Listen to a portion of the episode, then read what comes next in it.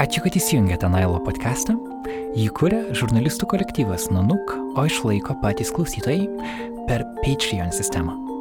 Nuo praėjusio karto prisijungė Aurimas Pečkauskas, Asta Ivanauskinė, Martinas Monika Lašienė, Gintaras Gimžauskas, Akvilė Kriščiūnaitė ir Aušra Jurgauskaitė.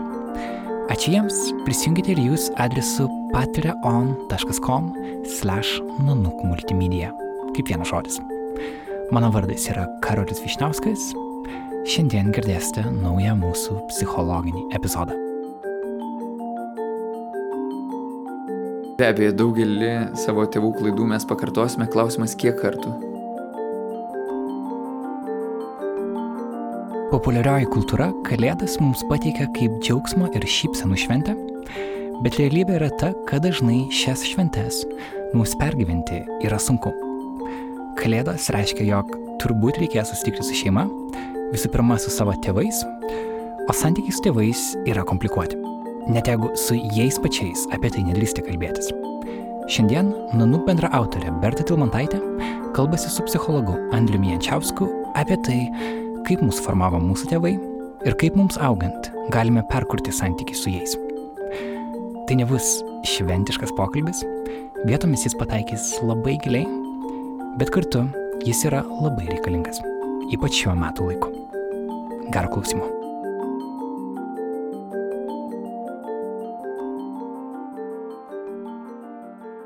Labas. Labas. Šiandien sutarėm kalbėti temą, kurią irgi turėjom nuo pat pradžių, kai tik pradėjom galvoti apie šitokius, šitos pokalbius ir kalbėsim apie santykių su tėvais vaikystėj ir kaip tas santykis mums daro įtaką šiandien, kai jau esam suaugę ir kai jau kai kurie iš mūsų patys esam tėvai. Bent jau pradedantis. Taip, aš tai vis dar jaučiuosi, kad daug labiau esu sunus ir kad tą tėvišką poziciją mokinuosi. Ir tas mokinimasis yra ne tik kažkaip susijęs su tiesioginiais savo vaikais, bet ir susijęs su tuo, kiek tenka būti tam tikrą prasme tėviškoj pozicijoje santykiai su klientais arba pacientais. Nes neišvengiamai daug kas kažkaip tais atėjęs atsisėda su psichoterapeutu, bet tuo pačiu atsisėda ir su savo tėčiu arba su savo mama. Kartais ir su tuo, ir su tuo. Kadangi jau pasakai, tai kad pacientams dažnai yra šita tema aktuali, man įdomu, nes aš pati eidama į terapiją neiškart supratau, kad kai kurios mano problemos arba kažkokie elgesio modeliai yra susiję su auklėjimu, arba su tai, kaip aš augau, arba kaip buvo auklėjama. Ar žmonėm, kad vienokia ar kitokia problema yra susijusi su, su tėvais, vaikystėje, tampa staigmenai, iki kurios reikia nukeliauti. Tai iškart galvoju apie dvi atskiras kryptis, kuriuose dirbu. Tai ligoniniai, kur dirbu, pagrindinė darbas vyksta, tenais yra ribinių būsnų skyrius, vasaros ligoninė. Ir tenais yra kaip psichoterapinė bendruomenė ir dauguma darbo vyksta grupinių terapijų metodų. Ir kadangi grupinė terapija, tai vis keičiasi pacientai ir jie nuolatos kelia tą pačią temą apie tėvus, tai labai dažnas suvokia, kad turi problemų su tėvais kai pamato situaciją, kur kitas žmogus vat, kalba ir dirba toje temoje, kažkaip nori, nenori, viduje suspurda dalykai ir nebeišeina pabėgti nuo to, kad vat, yra šit, iš šito santykio likusių nuoskaudų ir labai svarbių skaudulių. Tuo tarpu tenais, kur dirbu privačiai, individualioje terapijoje, kur akis į akį susitinkame, tai daug dažniau tenka sudurti su tuo, kad klientai sunkiai mato tiltą tarp to, kas jie yra šiandien ir su kokiais sunkumais susiduria šiandien ir kaip tie sunkumai galėtų būti susiję su jų ankstyvaisiais santykiais, su mama arba tėvu. Aišku, šalia dar gali būti ir koksai brolis, sesė, bet su tais pačiais artimiausiais žmonėmis iš pradinės šeimos.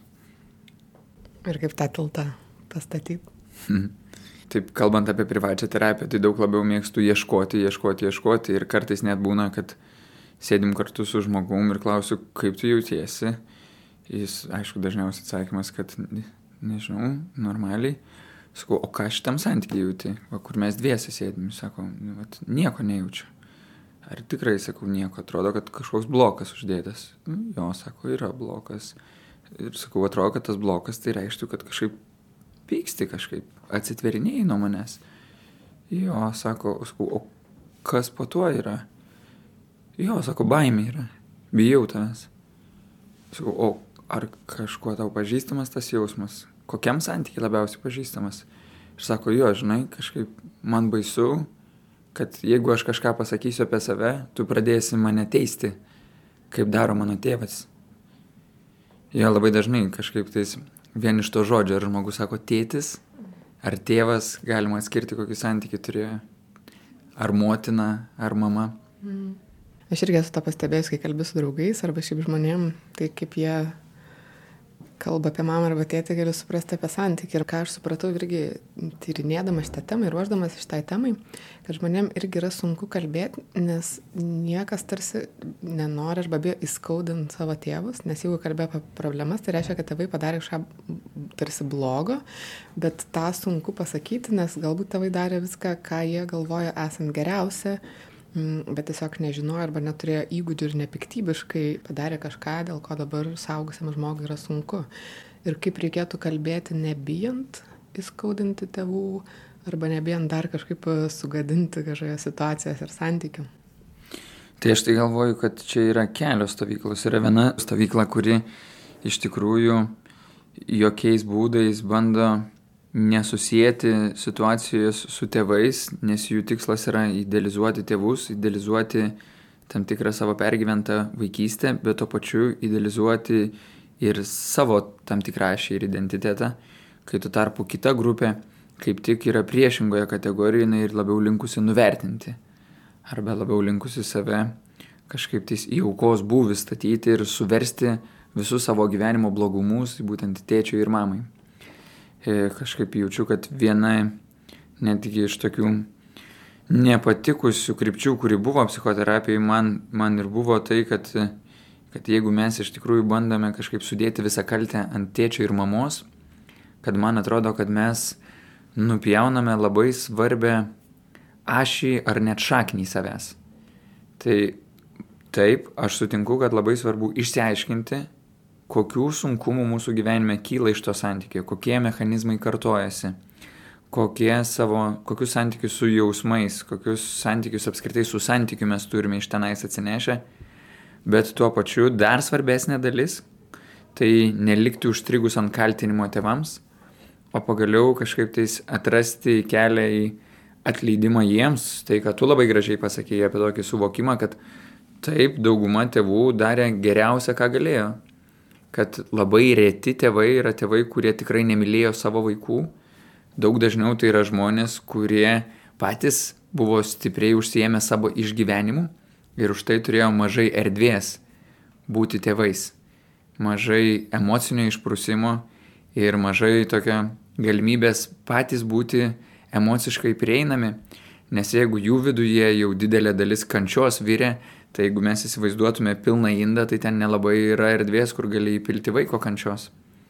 Tai va čia, man atrodo, viena iš didžiausių problemų, kad kažkaip tais ne tik tais apkaltinti tos tėvus ir pamatyti, kas ten buvo blogai, ne tik tais užpykti, bet ir nueiti šiek tiek giliau ir pamatyti iš jų pusės, pagyventi jų batose, suvokti, o iš kokios vaikystės jie atėjo, pamatyti tokią ilgesnę perspektyvą, kad o kokie jų tėvai buvo ir suvokti, kaip dažnai jie yra pasistumėję nuo tos prieš tai dar gyvenusios kartos.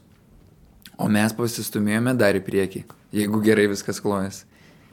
Mhm. Koks tada būtų geras e, šeimos ir tėvų santykio su vaiku pavyzdys, leidžiantis formuotis laisvai ir tokiai savarankiškai asmenybei? Čia, man atrodo, labai platus klausimas, kuris e, skiriasi nuo etapų. Nes vienoks tas santykis, kai vaikas visiškai mažutis ir jisai labai mažai atsakomybės savo gali prisimti, tai tuo atveju tėvai iš tikrųjų yra kaip dievai ir kaip dievai ne tik idėjų lygmenį, bet ir fiziniam lygmenį, nes labai daug ką ir už jį daro, daug jo emocijų perdirba. Skritai, viena iš esminių funkcijų tėvų tai yra pasimti tas vaiko sudėtingas emocijas, jas apraminti, suvirškinti ir gražinti jam šiek tiek lengvesnę formą. Nors, aišku, dažnai galim pamatyti atvirkščiai, kad vaikas nukrito ir aplinkui esantis žmogus, ten tėtis ar mama, oh, kas tau atsitiko, vietoj to, kad kažkaip tais, kai vaikas ieško tos reakcijos, reakcija būtų, kad na, viskas gerai, vat, nukritai, atsistojai, apžiūrėk koją, kad nusibrozdinai. Ar reikia užklijuoti pleistrą? Nereikia. Gerai, reiškia, gali žaisti toliau. Ir vaikas kažkaip tai priema ir tą pasitikėjimą savo kūnu, pasitikėjimą pasauliu ir kad nebūtina dėl visko čia nais dramatizuoti. Nes tas kantrumas jisai irgi labai stipriai atsispindi to, kiek kantrus yra tėvai su tuo vaiku. Ir man atrodo, kad e, svarbi dalis kažkaip tais po truputėlį jausti, kaip atidavinėti žmogui tą atsakomybę už jo gyvenimą. Atsakomybę ir už tai, ko jisai pats nori, už pasirinkimus, atsakomybę už lygiai taip pat ateityje įvardinimą savo emocijų, kad žmogus jaustų. Visai nesenai mano klientė pasakojo, kad, ako, blema, sako, grįžo dukra iš mokyklos ir sako, mama, aš pykstu. Ir sako, žinai, aš taip žiūriu ją ir suprantu, kad e, tikrai ne iš manęs jinai tai išmoko. Sako, pats supranti, kaip man čia sunku, kai tu klausi to paties vis klausimo, kaip tu jautiesi, kad čia nekenčiamiausias mano klausimas. Ir sako, kaip gera matyti, kad šio laikiniai švietimo sistemoje kažkaip vat, vaikus to mokina. Ir atrodo, kad tada tie patys vaikai netgi tampa kaip mokytojai savo, savo tėvams. Taip, paskui atsakomybė ir už tą patį laiką, už namų tam tikrus ruošos darbus, atsakomybės atidavimas. Atsakomybės atidavimas ateityje ir už pinigų valdymą, atsakomybės atidavimas ir už draugyšių kūrimą ir tokia pagalba, kad gerai, kokių tavo draugų norėtum, kad pasikviestume. Atsakomybė už tą patį keliavimą, nes vis dar girdžiu tų pačių pavyzdžių, kaip vaikų 16 metų ir jį vat, po didelį miestą vis dar vežioja teveliai kad jisai dar tiksliai nežino ir kaip čia tie troliai busai veikia. Ir čia yra tokios klaidingos pastangos pavyzdys, kad jeigu tėvas mokino ne savarankiškumo, o tiesiog kaip kad jisai bus visą laiką tas žmogus, kuris užspręs viską už jį, labai daug šansų, kad vaikas to ir neišmoko. Perinam dabar į klaidas arba kažkokius pavyzdžius, kas gali pakengti, nesąmoningai dažnai, bet pakengti. Aš tik jaučiu, žinai, kad pasakiau pirmą etapą, Taip. tokį, kur visas bendrumas, antrą etapą, kur savarankiškėja ir toksai atsiskirimas vyksta. Bet e, trečias etapas, tai, nežinau, Freudas yra pasakęs, kad e, vyras tampa vyru tik tai tada, kai miršta jo tėvas. Arba Jungas yra, nežinau, pridėjęs, kad tai gali vykti ir simboliškai. Bet trečiasis etapas, kuriuo tam tikra prasme baigėsi tas atsiskirimo etapas, separacija, Tai jisai yra toksai, kai tarp manęs ir šito pasaulio neapibrieštumo nebėra tokio tarpininko kaip ten tėvas, tai gali būti vadovas, viršininkas, nes labai dažnai kažkaip tą, tą tėvą arba mamą mes pradedam projektuoti į kitus santykius. Ir ankstyvoje vaikystėje tai yra mums didžiulis resursas. Aš ir pats tą savyje labai puikiai pažįstu. Mano, mano vienas mylimas mokytas Jordan Peterson sako, kad e, tėvų viena iš svarbiausių užduočių yra užauginti savo vaiką socialia, socialiu žmogumi iki keturių metų ir nuo keturių metų jo auginimą jau perima visa bendruomenė. Todėl, kad tada jisai daug laiko leidžia darželėje ir jau žiūrėk darželėje yra auklytė. Aš dar dabar atsimenu savo auklytę, jinai kaip mama man buvo tikrai pagalvoju apie savo pradinių klasių mokytoją, jinai apskritai padarė didžiulį mano gyvenime indėlį.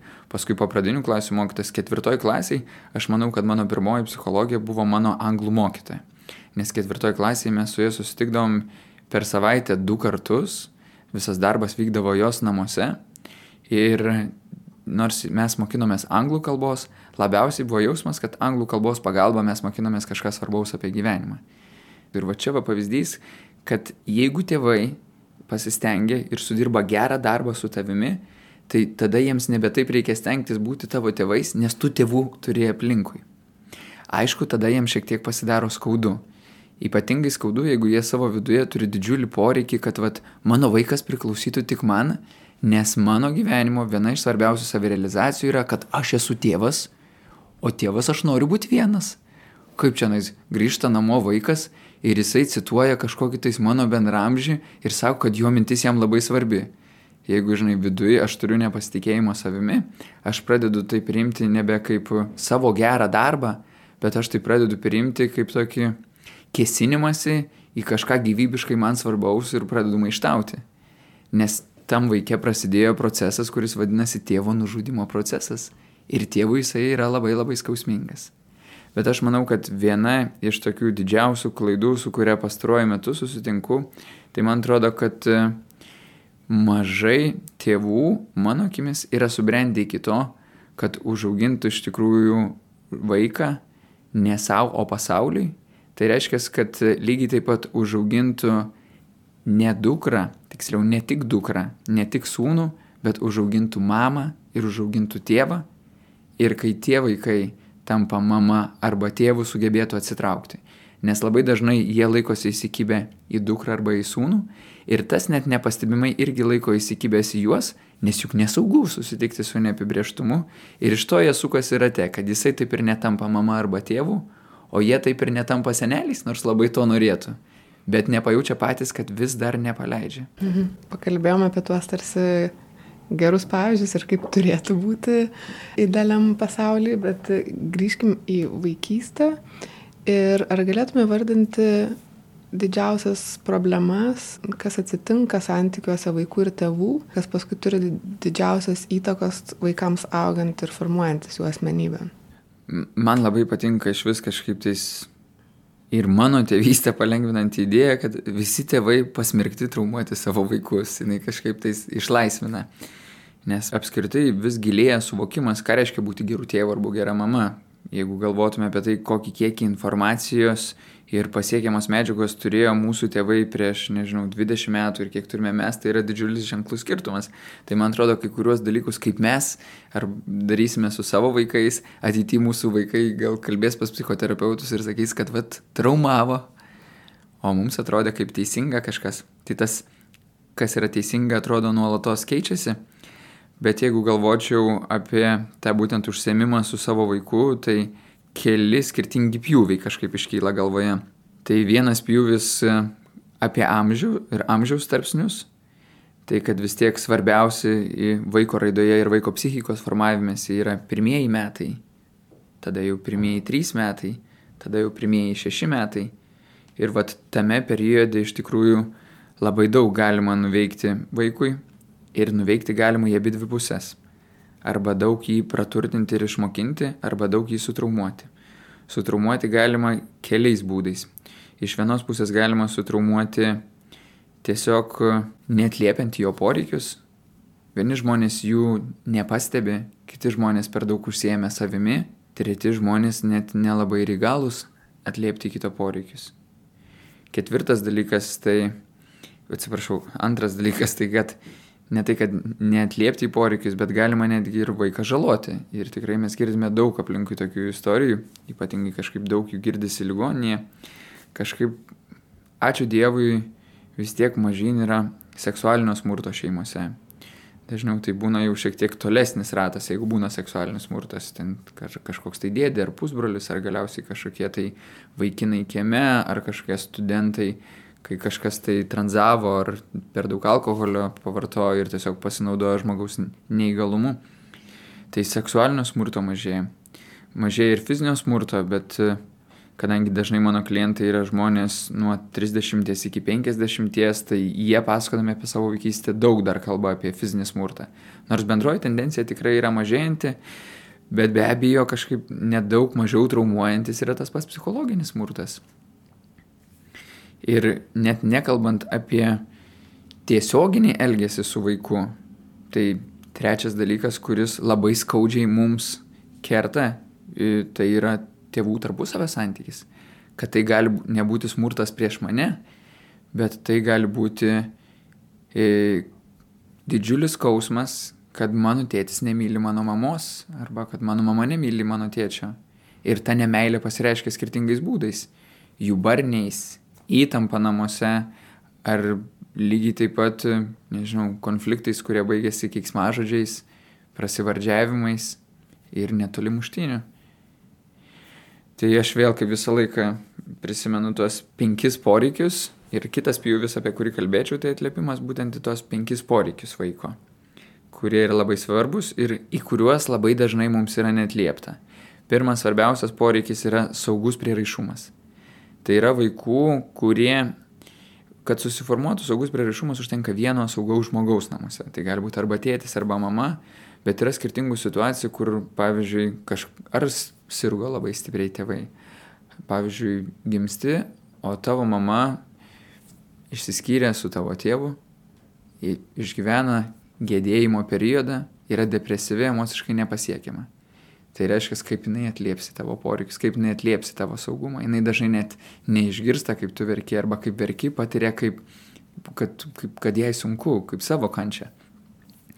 Tai va, tai aš galvoju, kad saugus prieraišumas, čia ne aš galvoju, čia nes Jeffrey Youngas suskirsti iš tikrųjų schemų terapijos atstovas kai mes turim saugų prieraišumą, galim kalbėti apie autonomiškumą. Kai vaikas jaučiasi saugus, jisai po truputį gali atsitraukti nuo tavęs, patirinėti pasaulį ir grįžti atgal. Nes vaiko pasaulis plečiasi jam be tyrinėti. Tyrinėtis gali tik tada, kai jaučiasi saugiai. Jeigu vaikas bijo, jisai galiausiai ir liks tame savo mažoje erdvėje. O jeigu mama bijo, kad vaikas išeitų ir tyrinėtų, tada ir jisai lieka užsidaręs. Trečioji vietoj, ko, ką ir esam šnekėję, kad labai trūksta e, to pritarimo ir validavimo ir pasidžiaugimo, kad kokia tu dovana, kaip gera, kad tu esi su mumis, kad e, daug dažniau kažkaip tais, bent jau mano bendramžių kartoje, tai buvo sutinkama kaip pasidžiaugimas už tam tikrus įvertinimus, už pažymius, už tai, kad laimėjai kažkokį konkursą, labiau toks sustiprinimas išorinių pergalių ir vat, kaip įvaizdžio, kaip didybės, bet mažai tokio sustiprinimo, kad, ei, kad ir kas tu bebūtum, tu esi dovana mūsų gyvenime ir mes tave labai mylime, kad sunkiais momentais, kai, nežinau, grįžti namo pametęs raktus ir taip atrodo, kad pragaras, ką aš čia padariau, kad pasakytų, kad, žinai, nieko tokio, viskas gerai, pakeisime tą spyną ir nieko nenutiks šiandien. Nepergyvenk, visiems tas pasitaiko. Kaip galėtume spręsti? Tai gal kažkokį šniurelį uždėkime. Bet tom akimirkom labai norisi nuraminimo. Tai jeigu jau pavyko kažkaip suorganizuoti tam vaikui tą prieimimą, tai ketvirtas labai svarbus dalykas būtų, kad e, pavyktų vaikė padrasinti tą žaismingumą ir spontaniškumą, kad kviesti jį žaisti, kad vienas iš daugiausių dalykų, ką gali daryti tėvai, tai žaisti kartu su juo ir jau nuo mažens mokinti jį kaip žaisti kartu. Nežinau, atrodo, kad tas kūdikėlis, su kuriuo aš žaidžiu, yra tik tais pusantro mėnesio, bet jau mes ten guguojame kartu, nežinau, aš jau ten įmu jo rankytę ir sakau, va kaip tu čia gerai mane maitini. Ir kad čia primityvėjai žaidimai, bet žaidimai irgi sudėtingėja. Ir va čia yra įdomumas, kad kuo vaikas darosi didesnis, tuo galima sudėtingesnių žaidimų su juo žaisti. Ir penktasis dalykas, tai vat sudėtingieji žaidimai, labai svarbi dalis, ribos turi atsirasti. Nes vaikas labai lengvai ir labai greitai pradeda manipuliuoti tėvais. Ir tėvų svarbi dalis yra iš sugebėti pastatyti jam ribas. Nes ribos irgi yra apie šito pasaulio saugumą. Kai vaikas suvokia, kad yra taisyklės, yra ribos, jam pradeda darytis aiškiau, kaip elgtis šitame pasaulyje. Ir čia buvo tikrai tokia tendencija, auginkime vaikus nesakydami ne, ir jinai buvo e, su labai prastais rezultatais. Nes e, vienam iš tų filmų, kurią mes abu mėgstame, ar ne, labai gerai yra pasakyta, kad kai tik tais išmoksti pasakyti ne, gali pagaliau atrasti, kas tavyje yra tas tikrasis taip. Bet taip apibendrinimas visą tai pasakyčiau, kad svarbiausia, ką gali duoti savo vaikui, yra nedalomas tavo dėmesys, kur tu būtum sugebėjęs susikaupti į čia nais ir dabar. Ir kartais netgi, jeigu ir yra stipresnė emocija, šiek tiek ją atidėjęs, kad labiau fokus atsukęs į tai, kas yra vaikas ir kaip jisai dabar nori su tavim pabūti. Mm, tai tu išvardinai tuos penkis poreikius, kurie turėtų būti atliepti. E, o prieš tai kalbėjom apie dalykus, dėl kurių jie e, galėjo būti netliepti. Net tu įvardinai, kad tai yra uh, stygius įgūdžių tėvų ir negebėjimas patenkinti poreikio vaiko, kad tai yra e, psichologinis arba fizinis smurtas, kartais ir prievarta, e, kad tai gali būti e, alkoholis e, vartojimas arba narkotikai, e, kad gali būti iš vis palikimas arba apleistumas ir, ir dar gali būti E, nežinau, pyktis ir labai kontroliuojantis ir, ir, ir pikti tėvai naudo, besinaudojantis vaiku kaip kažkokiu įrankiu, ar ne? Tai ką tie visi dalykai, e, kokią žalą gali padaryti tam augančiam ir besiformuojančiai augančiai asmenybei? Tai aš tikiu, kad mes esame vis tiek labiausiai sudaryti iš santykių.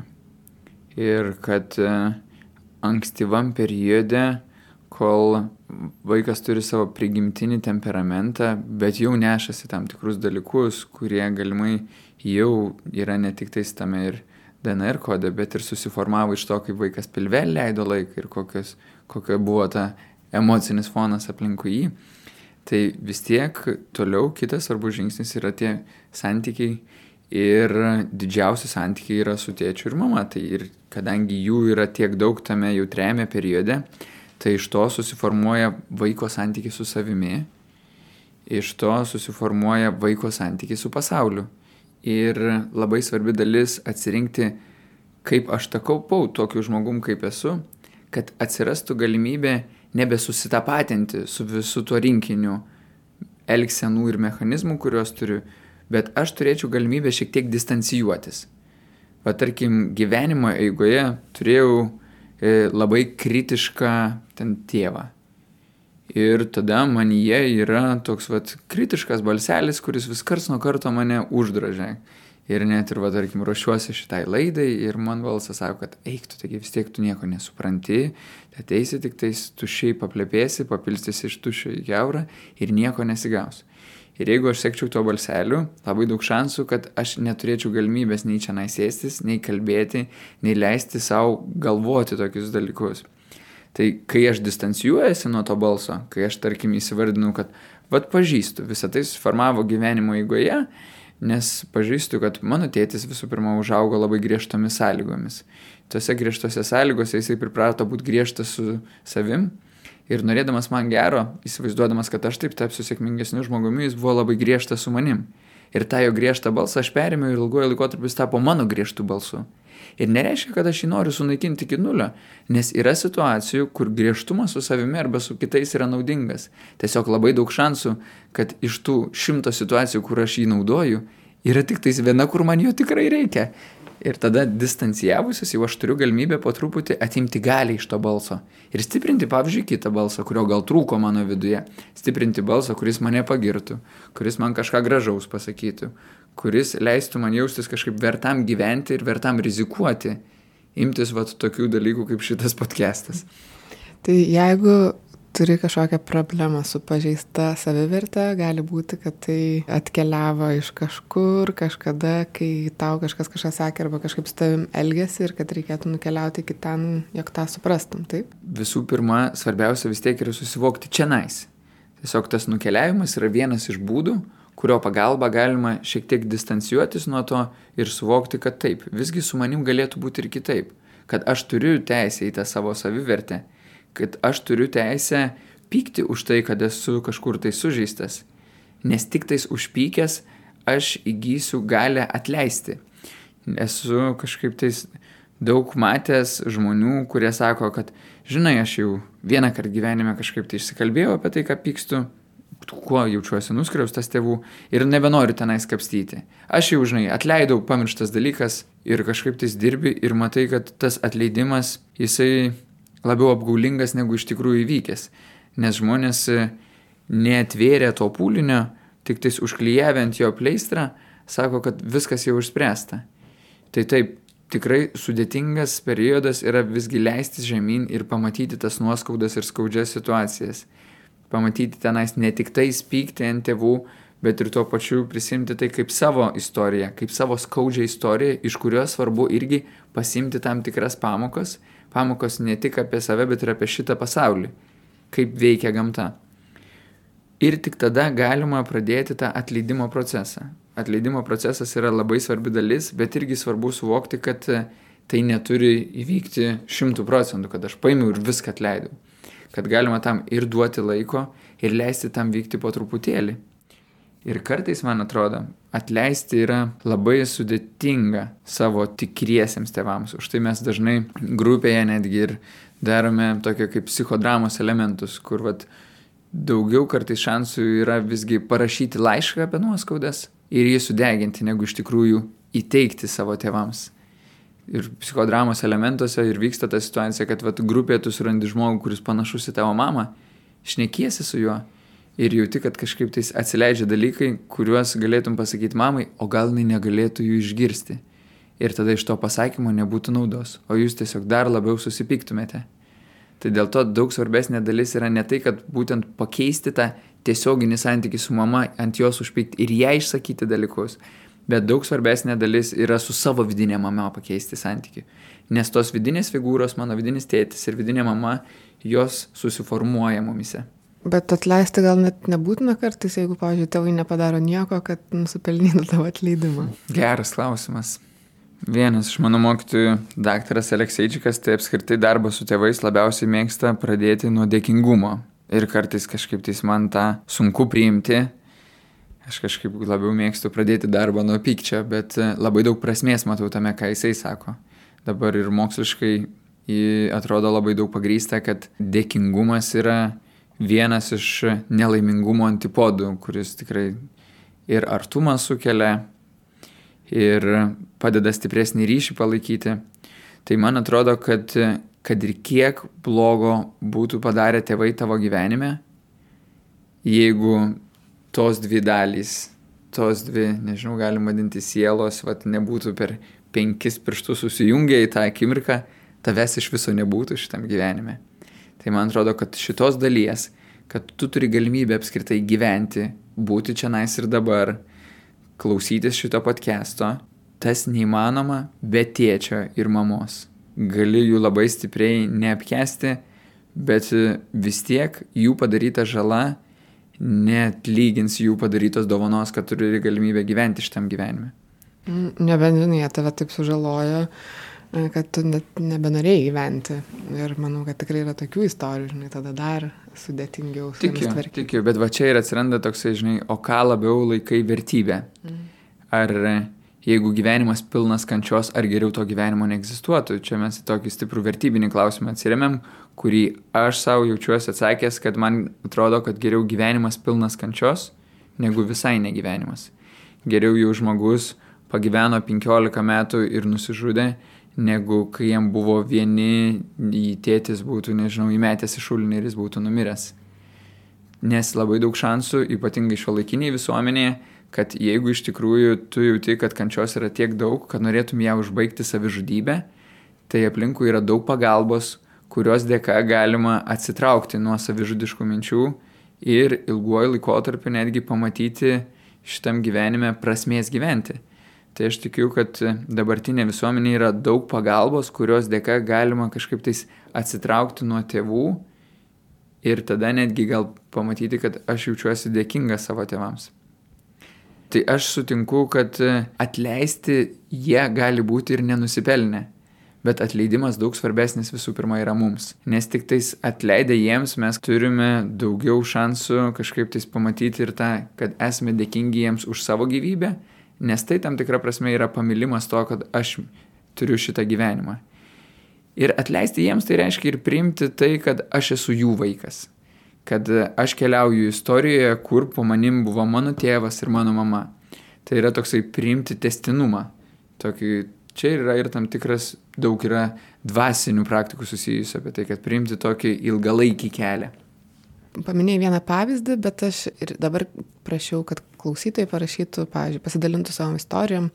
Ir buvo du laiškai, viena mergina pasakoja apie tai, kaip jinai vaikystėje turėjo netgi kalendorių, kuriame žymėdavosi, kada jos tėtis geria ir kada ne, kad matytų, kiek žalių dienų, kai tėtis blaivus ir kiek raudonų dienų, kai tėtis išgėręs arba girtas. Kita moteris pasakojo apie tai, kad e, tėvas visą laiką blogai elgdavosi su mama. Tas pavyzdys, kai vaiko tarsi neskriaudžia, bet pykstasi tarpusavį ir vaikas vidury yra ir mato tai, bet paskui išsiskyrus nebebendravo su savo vaikais, tas apleidimo momentas.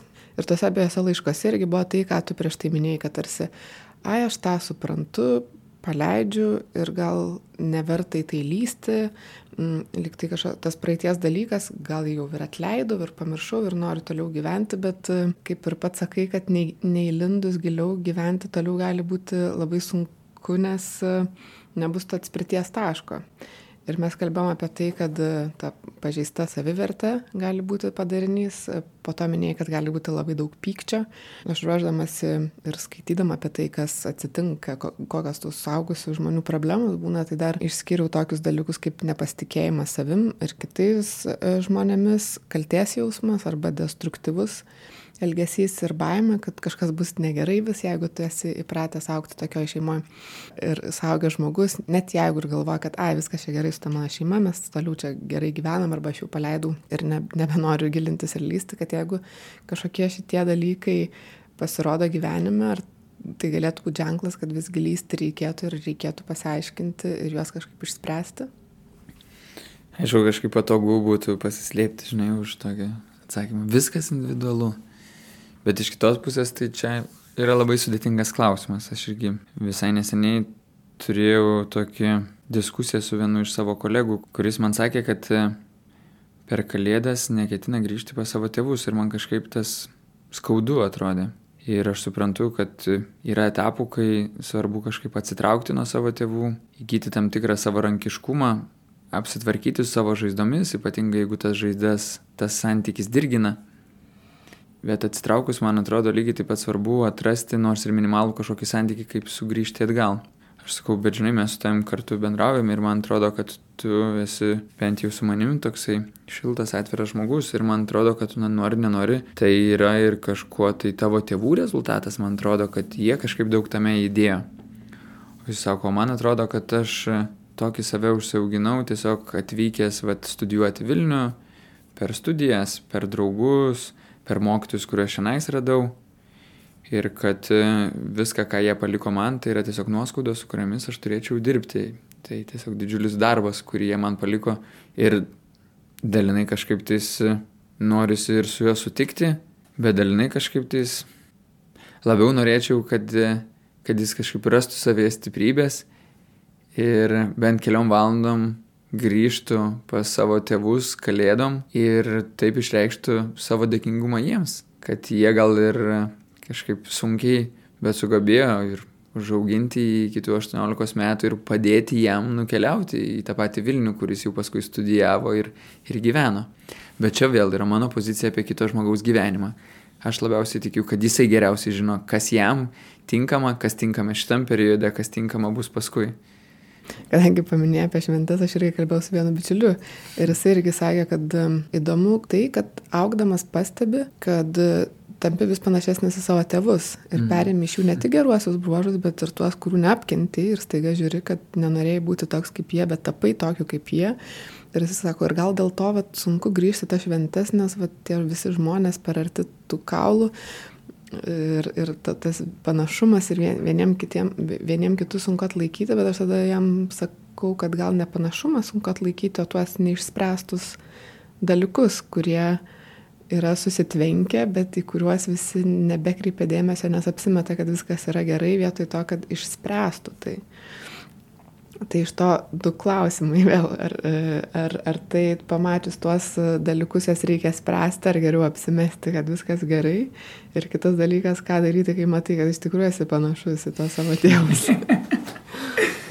Nors nenorėtum būti. Mm. Manau, kad čia labai dažnai taip nutinka, kad kažkaip tais augam ir galvojam, kad niekada nebūsiu toks kaip, kaip mano tėvai, o ilgainiui matome, kad vat, ir ten esu toks, ten esu toks ir ten. Man patinka labai mano vienos klientės istorija, kuri, kuri vis dar kažkaip yra tokia mokinimėsi atsiskirti nuo savo mamos, nes mama buvo tikrai labai stipriai kontroliuojanti, griežta, daug įsitraukusi į jos gyvenimą. Ir svarbi dalis mano klientai buvo mokinti statyti ribas ir mokinti sukurti tokius du atskirius pasaulius, kad mama čia nais tavo pasaulis, čia nais yra mano pasaulis ir tu neturi teisės į jį kištis. O jeigu tavo pasaulyje kažkas yra labai blogai, aš neturiu būti tavo gelbėtoje, todėl kad tu, aš esu tavo dukra ir tavo užduotis yra labiau manim pasirūpinti, o kartais ir suorganizuoti pagalbos kitur, o ne visą laiką kreiptis į mane. Ir ta dukra ilgą laiką iš tikrųjų bijojo pasipriešinti mamos terorui ir neįsivaizdavo, kad mama kažkaip stipriai užpyks, kad mamai labai skaudės, gal netgi mama gali nusižudyti, nes netek savo artimiausio žmogaus.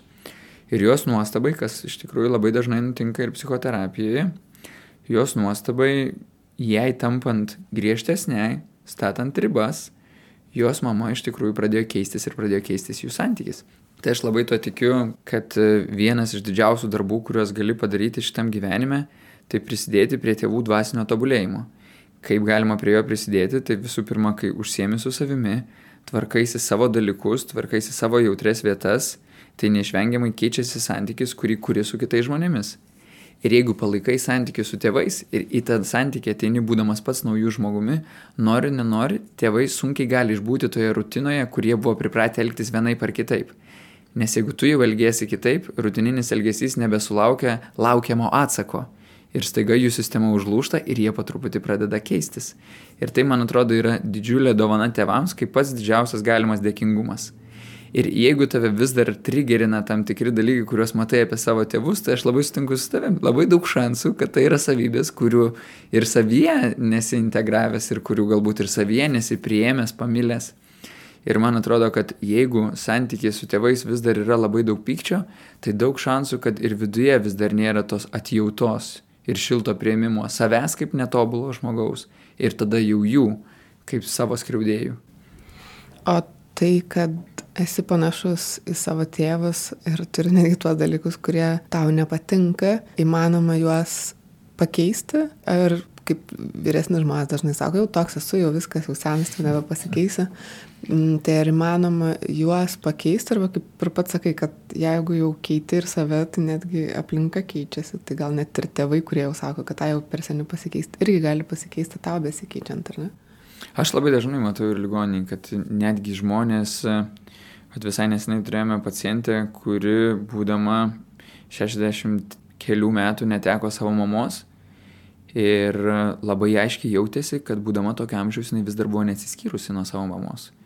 Ir kad nors tame santykiai mama labai stipriai ją engdavo ir net mirties patale ir būdama slaugoma pastaruosius gal 10 metų, jinai visą laiką tą dukrą ko neveikdavo, o dukra tiesiog šokinėjo aplinkui ir stengiasi visais būdais būti gera, reikalinga ir naudinga, nes giliai viduje vis tiek tikėjosi, kad mama mane kažkaip tais pamils. Ir jinai labai stipriai perdegė šitoje vietoje. Ir kažkaip labai svarbi dalis jai buvo visgi priimti, kad vat, tai ir buvo tokia mamos meilė. Ką yra labai sudėtinga priimti, kad jos mama labai stipriai mylėjo per, per konfliktą jos mama turėjo stipriai gilios neapykantos visų pirma savo, o tada jau ją dėdavo į santykių su dukra. Ir kartais mes kažkaip neturime galimybės labai stipriai keistis, ypatingai jeigu esame įsisukę į automatinius procesus. Bet jeigu mes turime momentų, kuris galime sustoti ir reflektuoti save, tai lygiai taip pat tokių momentų turi ir dar net kartais daugiau ir žmonės, kuriems 50, 60, 70. Klausimas, ar mes kažkaip tais padėsime jiem keistis ir ar mes būsime pavyzdžiai tos motivacijos, kad galima keistis. Nes aš sutinku, kad daug žmonių užstringa tame, kad aš toks esu ir tegul pasaulis keičiasi arba tiesiog pasaulis užsiknisa. Bet e, jeigu tavo gyvenime pasidaro taip sunku, kad atsiduri psichiatriniai ligoniniai, tai dažnai tai būna neblogas dugnas atsispirti ir pagaliau paieškoti, kaip būti kitokiu žmogumi. Tiesiog sutinku, kad tam tikrus dalykus pakeisti gali būti vieno gyvenimo per mažai.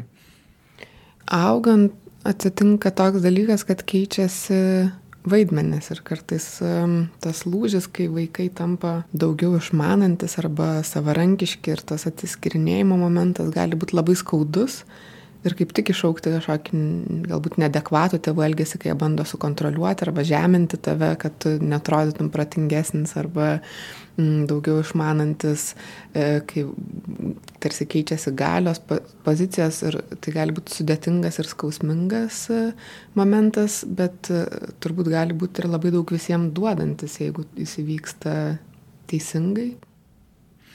Tai man atrodo, kad kiekviena šeima yra tas mini sostų karų žaidimas, kuriame dėl galios, nežinau, jeigu kalbėtume apie keturių asmenų šeimą, kur yra mama, tėtis ir du vaikai, tai dėl galios jie visi keturi kovoja ilguoju laikotarpiu. Ir labai svarbu tampa ne tik tais, kas galingiausias, bet dar ir kas sudaro kokias e, sąjungas tarpusavį. Tai man atrodo labai svarbu, kad šeimoje būtų jausmas, kad galė remiasi ne tai, kad į vieną žmogų, bet kad gale remiasi į kažkokį daugumos balsą ir kad gale tuo pačiu remiasi ne į tai, kas, kas būtų stipriausias, bet tai, kas būtų naudingiausia mums. Ir kad gale remiasi ne tai, kad vienas bus ponas stipruolis, bet kažkas tai turės patys stipriausi santykiai. Ir man atrodo viena iš problemų, kai tėvai yra nelaimingi patys šeimoje, nesukuria gražų ryšio tarpusavį, tėtis su mama.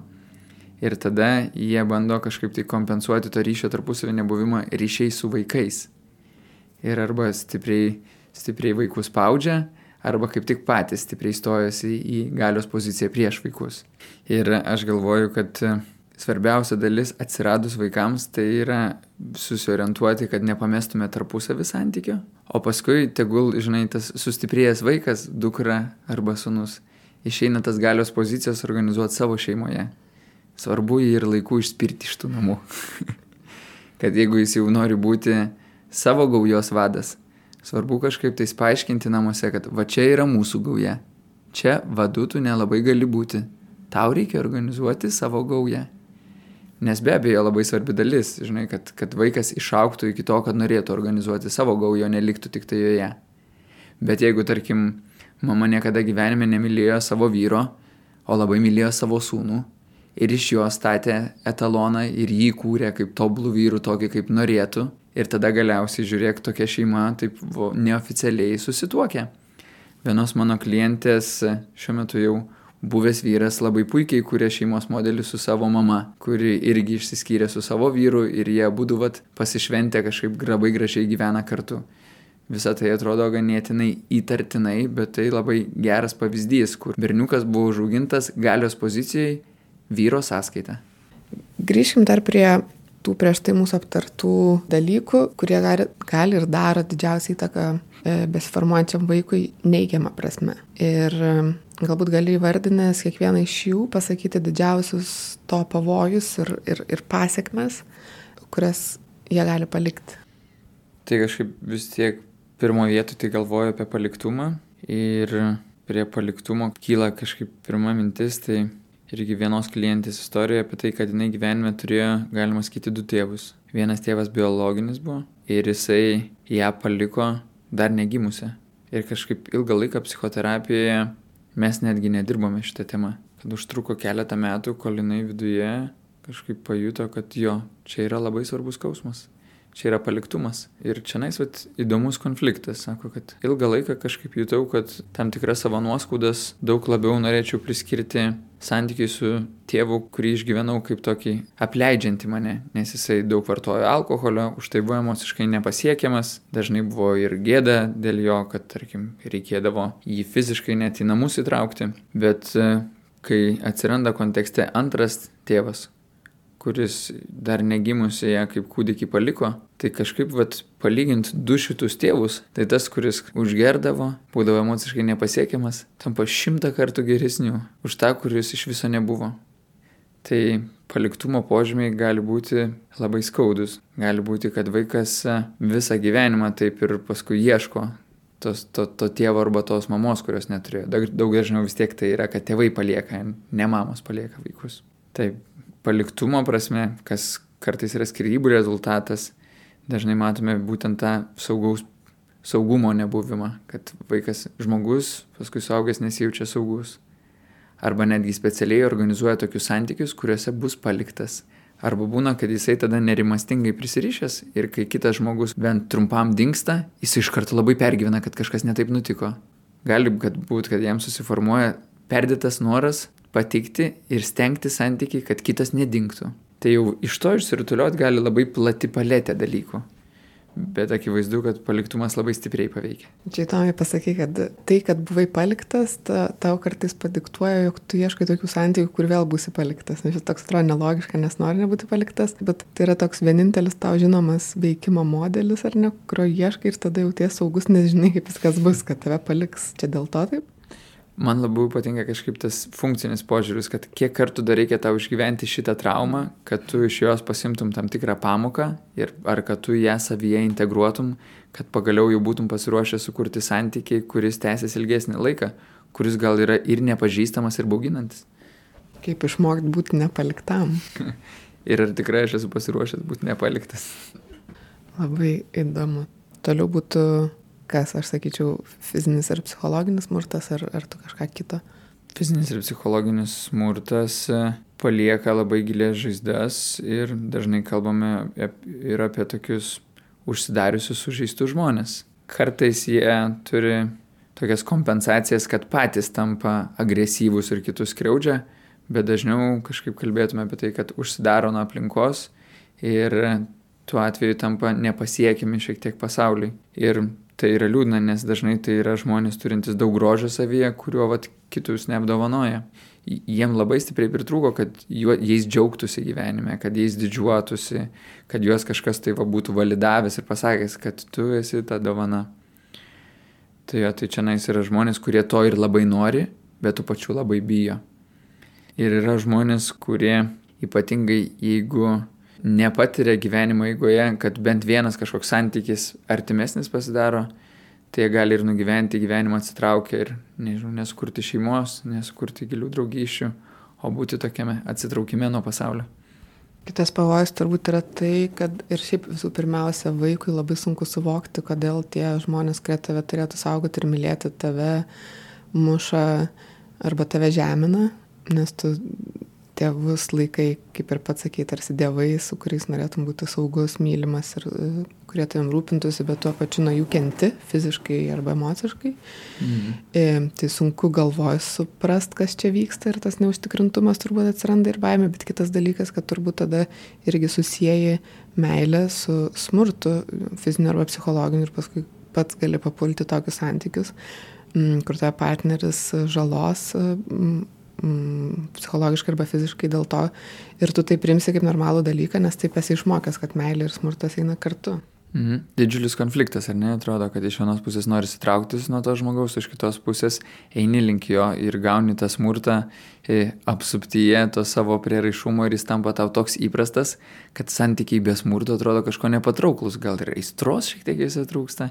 Štai schemų terapija ir yra ta idėja, kad jeigu žmogus tave traukia ant dešimt ir jeigu savo gyvenimo eigoje esi patyręs, ką reiškia labai stiprus sunkumai ir stiprios traumuojančios situacijos, labai daug šansų, kad jisai bus dar vienas žmogus, kuriuo tu kartosi tą traumuojančią situaciją. Ir labai daug šansų, kad ir jisai bus tas gerintis ir fiziškai smurtaujantis vyras. Mhm. Čia vėl kiek ištversi, kol išsilaisvinsi iš to. Kas būtų toliau iš tų tavo išvardintų prieš tai stygių ir jų pasiekmių? Na, bet aš galvoju apie tą patį emocinį apleistumą, kur atrodo, kad tvarkinga šeima, viskas gerai vyksta, net, net niekas nepastebėjo, kad ten vat, gyveno vaikas, kuriam kažko tai trūksta. Tiesiog buvo būtimi pasirūpinta, bet niekas niekada per daug nesigilino, nei kas tai yra per žmogus, ko jisai nori iš gyvenimo. Ir dažnai mes tada ir kalbėtume apie žmogų, kuris visiškai nepažįsta savo poreikių apie žmogų, kuris nežino, ko galima norėti, apie žmogų, kuris gali būti, kad per daug yra linkęs paklusti, apie žmogų, kuris yra per daug susirūpinęs, o kaip kiti gyvena. Jo nesirūpina, jis gaudavo dėmesio tik tada, kai jisai kitais rūpinasi. Tai va jis ir išmoko būti nukreiptas į kitus ir mažai nukreiptas į save. Gali būti, kad neišmoko žaisti, nes niekas su juo niekada nežaisdavo. Gali būti, kad netgi neišmoko, kas yra tas pats autonomiškas pasaulis, kuris galėtų eiti ir tyrinėti nes niekada jis nesijutė pakankamai drasus išeiti ir tyrinėti. Ir niekada net gal vaikų nebuvo toks iškart tarsi mažas suaugęs, kuris tiesiog turėjo išgyventi ir neturėjo progos būti vaiku. Bet vėlgi čia nais būtų skirtingos sudėdamosios dalis, ar ne? Nes gali būti, kad kaip tik tai buvo emociškai apleistas vaikas, kuris namuose negauna meilės, bet pavyzdžiui mokykloje jisai pastebėjo, kad labai gerai mokindamasis jisai gaus tos meilės, padėdamas mokyti ir aplinkuje tenais nuvalydamas lentą, ten, nežinau, užpildydamas žurnalais, pagaliau gauna tos šilumos moteriškos, kurios jam labai stipriai trūksta. Ir tada jis gali formuoti kitą dalyką, kad jis kažkaip tais labai stengsis vat, visais būdais kompensuoti tą savo viduje jaučiamą menkavertiškumą. Bet labai dažnai tai bus žmogus, kuris jaus, kad jisai ir nėra vertas meilės. Ir net ir gaudamas tam tikrus meilės trupinius, jisai jausis kaltas ir nevertas. Tai kalties jausmas ir mm, nevertumo jausmas, bet vidai noris įtikti ir būti mylimam. Taip, viena iš problemų, ar ne, kad vaikai turi stiprų egocentriškumą ir aplinkui vykstančias problemas jie integruoja į savo pasaulį, žiūrėdami per savo prizmę. Ir dažnai ta prizmė yra, kad tokia situacija yra bloga dėl to, kad aš esu blogas. Aplinkui situacija yra sunki dėl to, kad aš esu kažkuo šlikstus, per prastas, kaltas, gėdingas. Mm, priešinga situacija gali būti, kaip tėvai kaip tik yra labai valdingi, manipuliuojantis ir kontroliuojantis per nelygų vaiką. Kokios to pasiekmes? Ir čia vėl atrodo, kaip visą laiką keli scenarijai, bet va čia mes ir kalbėtume, kad vaikui labai trūksta autonomijos, kad jisai gali būti arba pripratęs visą laiką šalia turėti autoritetą, į kurį remsis, ir kad tada jam yra būtina šalia turėti vadovą. Dažnai mes kalbėtume apie žmonės, kurie, pavyzdžiui, kol yra tam tikra sistema, kad jie turi ten keltis į darbą nuo 8 iki 5, yra darbų sąrašas, to jie veikia, tik tai toks sąrašas iškrenta, jie iškart krenta į kažkokį depresyvų būvį ir niekur negali įsitraukti, nes viskas jiem atrodo neįdomu. O iš kitos pusės galėtume kalbėti apie žmonės, kurie kažkaip kenčia, kenčia, kenčia tą priespaudą, atėjo, na, paauglystė ir tada vidurinis pirštas į viršų, teveliai pasiūsti tolyn ir prasideda tikroji maištingoji paauglystė, kuri ir vadinama paauglystės krize. Kodėl? Nes vaikui visą laiką trūko tos autonomijos ir pagaliau jisai išsprogo ir pagaliau ją gali turėti. Labai dažnai ta paauglystė, aš atsimindama savo kartą galvoju, kad jinai būdavo atidėta iki to momento, kai išvažiuosi į kitą miestą ir tada atrodo kaip nutrūkęs nuo tėvelių grandinės. Atrodo dažnai taip ir vadindama, kad va turbūt tas va, labai griežtoje sistemoje augo, nes taip nutrūko, kad dabar jau net draugai norėtų grandinę kokią pririšti.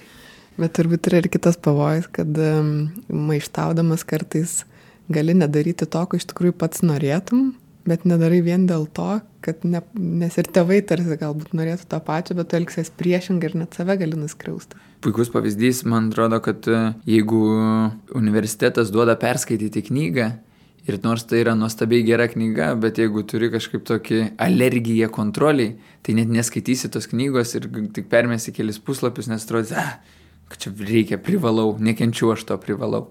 O va jeigu pats atrasi jau tą pačią knygą ir tada sakysi, o kaip gera ją skaityti. Tai taip, man atrodo, kad stipriai kontroliuojančiose šeimose žmonės užauga būdami alergiški ir kontroliai, ir autoritetui. Ir tas labai pakenkia jų gyvenime, nes ypatingai tada mes sutinkame žmonės, kurie bijo turėti mokytojų, nes bijo turėti kitų žmonių, kurie padarys stipriai įtaką jų gyvenime, nes pripratę, kad tas buvimas santykiai ne padėjo jums apsisaugoti nuo įtakos tėvų, kuri tikrai buvo nenaudinga.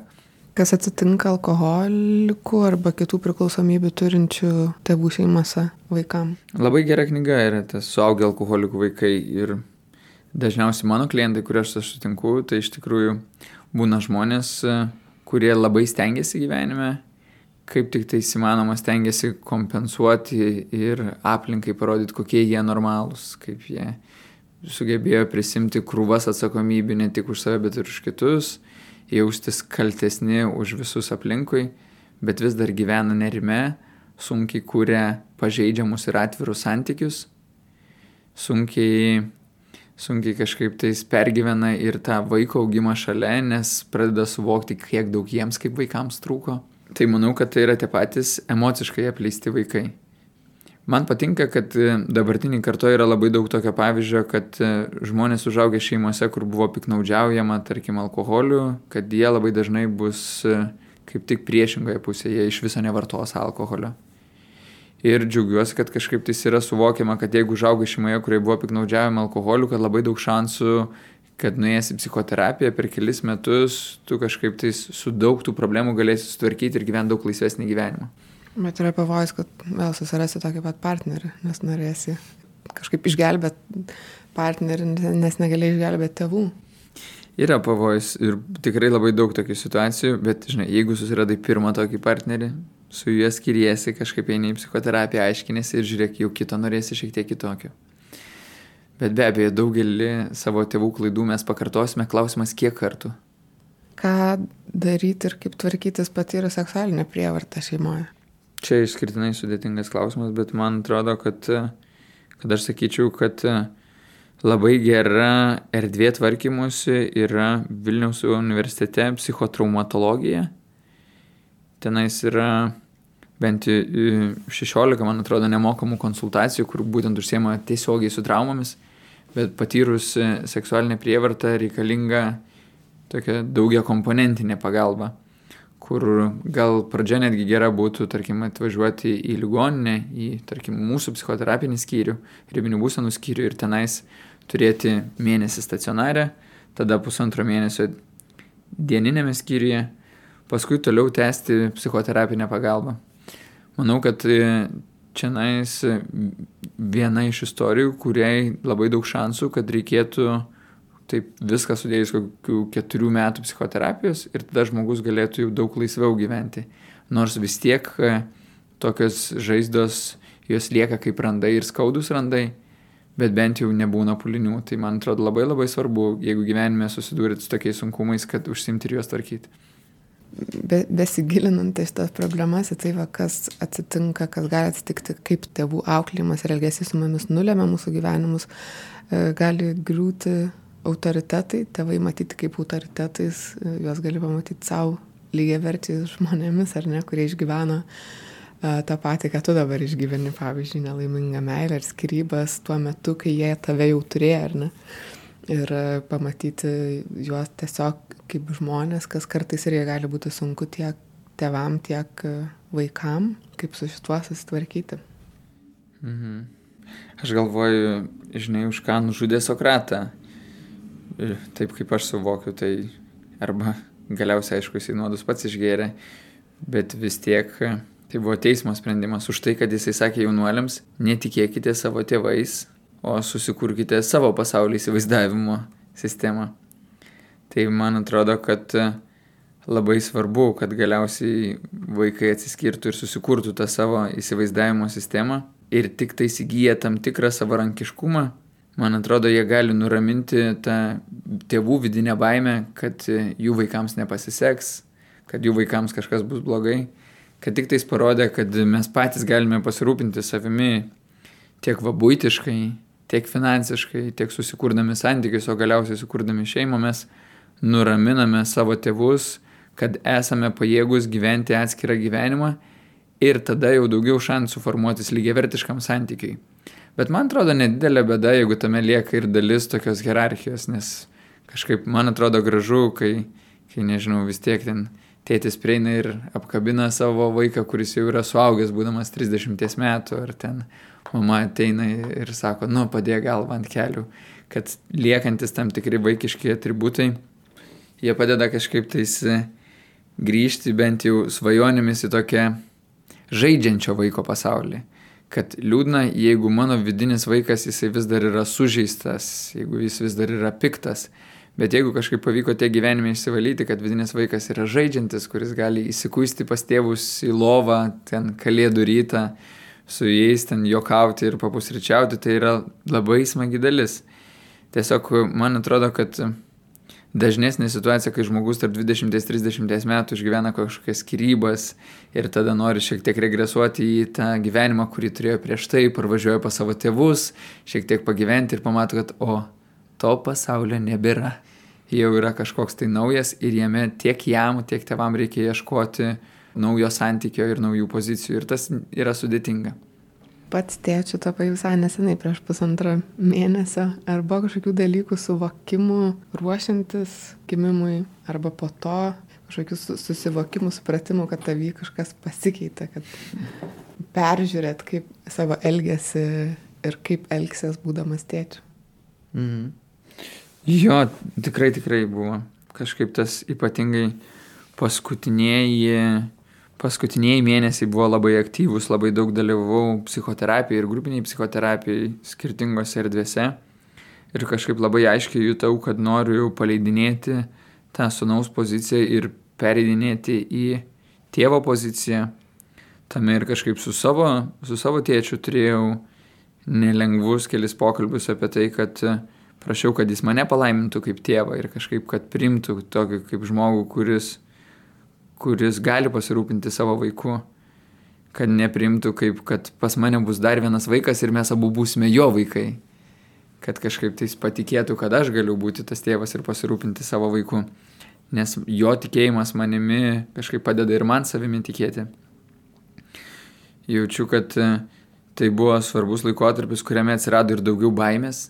Baimė, aišku, išgazdino, nes tam tikrą riziką, kurią anksčiau galėjau prisimti, pajutau, kad man jau jinai nebe patogi. Nes aš bijau ne tik dėl savęs, bet bijau ir dėl savo sunaus arba bijau dėl savo žmonos, kad negalėsiu jais pasirūpinti.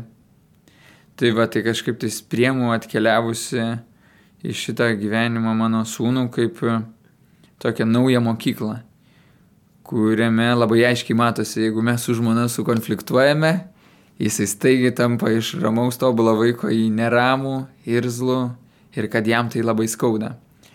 Tai jaučiu, kad e, labai aiškiai matau tą pamoką, kad viena iš svarbiausių dalių jiems yra, kad aš mylėčiau jo mamą ir kad kažkaip tais gražiai elgčiausi su jo mama ir kad puoselčiau tą santykį ir tada jisai kažkaip labai gerai jaučiasi mūsų gero santykio apsuptyje.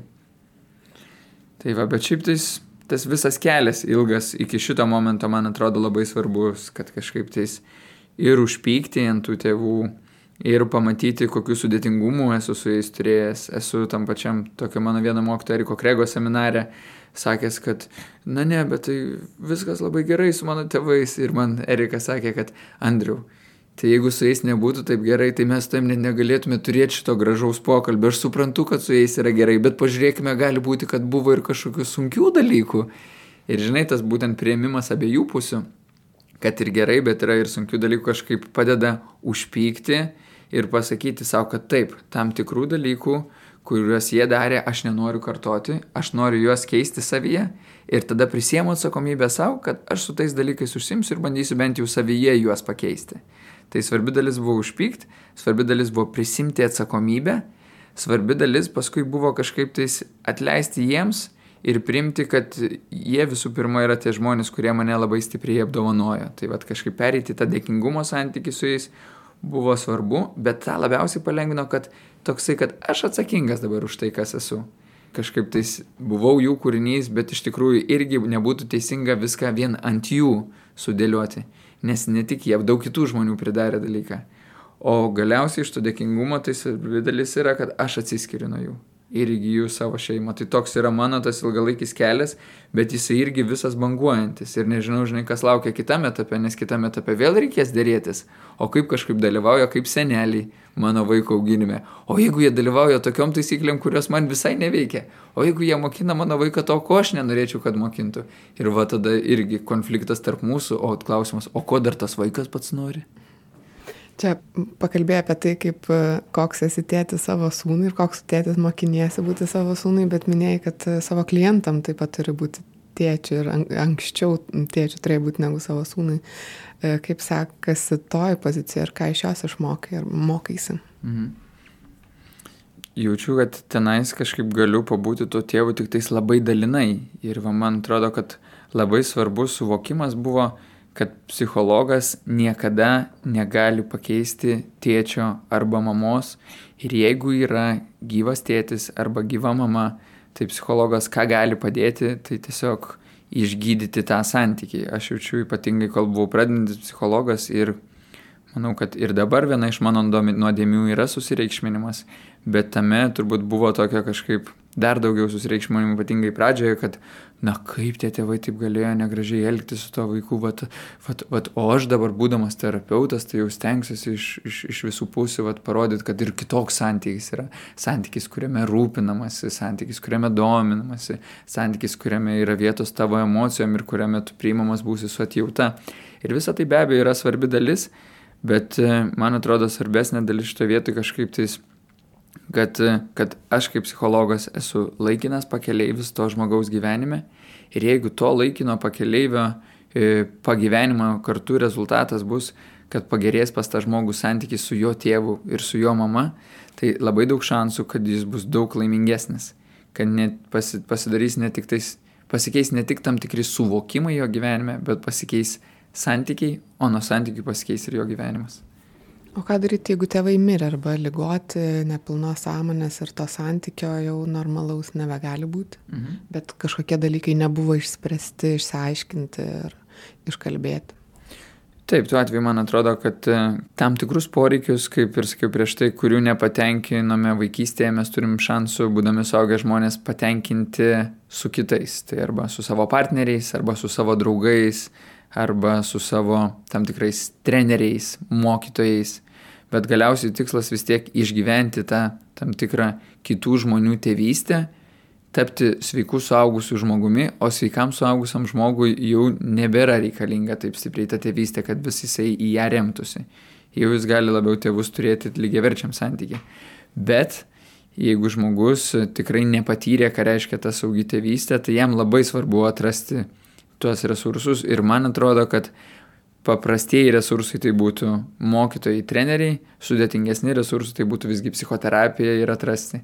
Jeigu turėjau sudėtingą santykį su mama, tai lengviau vis tiek psichoterapijai, man atrodo, spręsti su šiek tiek vyresnė moterimi, kurią, kurią lengviau patirti kaip mama. Jeigu turėjau su tėvu sudėtingesnį santykį, tai lengviau tai patirti, man atrodo, su vyru. Nors kartais jaučiu, kad klientai mane projektuoja ir tėti, ir mama. O aš stengiuosi kažkaip atsitraukti ir sakyti, kad okei, okay, bet aš nesu nei tėtis, nei mama, nei draugas, aš esu psichoterapeutas, mes kuriame kartu santyki ir tas santykis turi pabaigą. Mes suartėsime ir tai bus labai svarbi kelionės dalis, kad mes išmoksime būti kartu abu, bet kita svarbi kelionės dalis, kad mes išmoksime išsiskirti. Tai prieš išsiskiriant dar pabandysiu susumuoti, ką šiandien pakalbėjom, kad labai svarbu save pažinti ir neskirt laiko savo, savo santykiui su aplinka ir kitais žmonėmis, atpažinti kas galbūt ten yra problematiška, e, bandyti prisikapstyti prie to priežasčių, kurios gali būti vaikystėje ir bandyti jas išspręsti save kažkiek perkuriant arba, arba modifikuojant tam, kad gyventi lengviau būtų ir kad nesijaustum visą laiką menkas, kaltas, nemylimas, nereikalingas arba dar kažkoks kaip jutais ir kad tai buvo įprasta taip jaustis ir manė, jog tai yra įprastas dalykas, bet atrasti naujų elgesio modelių ir naujų galimybių jaustis kažkaip kitaip santykių su, savi, su savim ir kitais. Aha, kažkaip, žinai, galvoju, pirmadienis, 8 val. vakaro, aš vis dar nesu grįžęs namo, nuo ryto visą dieną praleidau darbe, kalbu apie tėvystę ir koks aš šiandieną esu tėvas. Tėvas, kuris vat, apleido savo vaiką, apleido savo žmoną Ir po 18 metų mano vaikas sėdės pas psichoterapeutą kabinete ir sakys, kad mano tėtis mažai turėjo man laiko. Aš šiaip e, kažkaip, man atrodo, sąmoningai iki šiol neturiu vaikų ir nenorėjau turėti vaikų, nes nežinojau, kaip noriu juos auginti. Mm. Ir kad laukiau, kol sužinosiu ir suprantu, jog niekada nesužinosi ir nebusi pasiruošęs, bet bent suprasi, kaip nenori daryti ir tada po truputį gausi kažkokių įgūdžių ir pažinimo iš kitų pavyzdžių, kaip nori tai daryti. Ir man atrodo, kad irgi būsiu pasmerkta turbūt vienai par kitaip traumuoti savo vaiką, bet tą darysiu kažkaip sąmoningai. savo būdu. savo būdu ir galbūt, nežinau, kažkokiam dialogė su vaiku ar ne. Ir primdama e, savo kažkokias klaidas ir kritiką arba kažkokį pastabą. Taip, nes man atrodo, kad viena ir iš problemų yra, jeigu mes per toli nustumsime savo tėvus, kurie, tarkim, buvo visiškai blogi tėvai, tai gali būti, kad tada mes nepasimsime tos nuostabios pamokos, kokiu tėvu nebūti. Nes kai mes nebeturime santykio su jais, mes jų pradame nebeprisiminti, kokius dalykus jie darė ir automatiškai vis labiau tampam tokie. O kai pamatome juos, gali būti vienas iš tokių gerų įprasminimo šito santykio būdų, tai įprasminu per tai, kad, okei, okay, va šitaip nenoriu elgtis, gerai, šitaip nedarysiu. Kad galima tai matyti irgi kaip tam tikras pamokas. Ir nepamiršti dėkingumo už tai, kad esam. Tai ačiū tavo tėvelėms, kad jie tokią gražią dukrą užaugino, su kuria aš galiu vat, taip pusantros valandos ir praleisti, bandydama suprasti, kas ta tėvystė. Ačiū, ačiū tavo tėvam, mano tėvam, visų tėvam. E, gražių švenčių. Linksmų šventų kalėdų.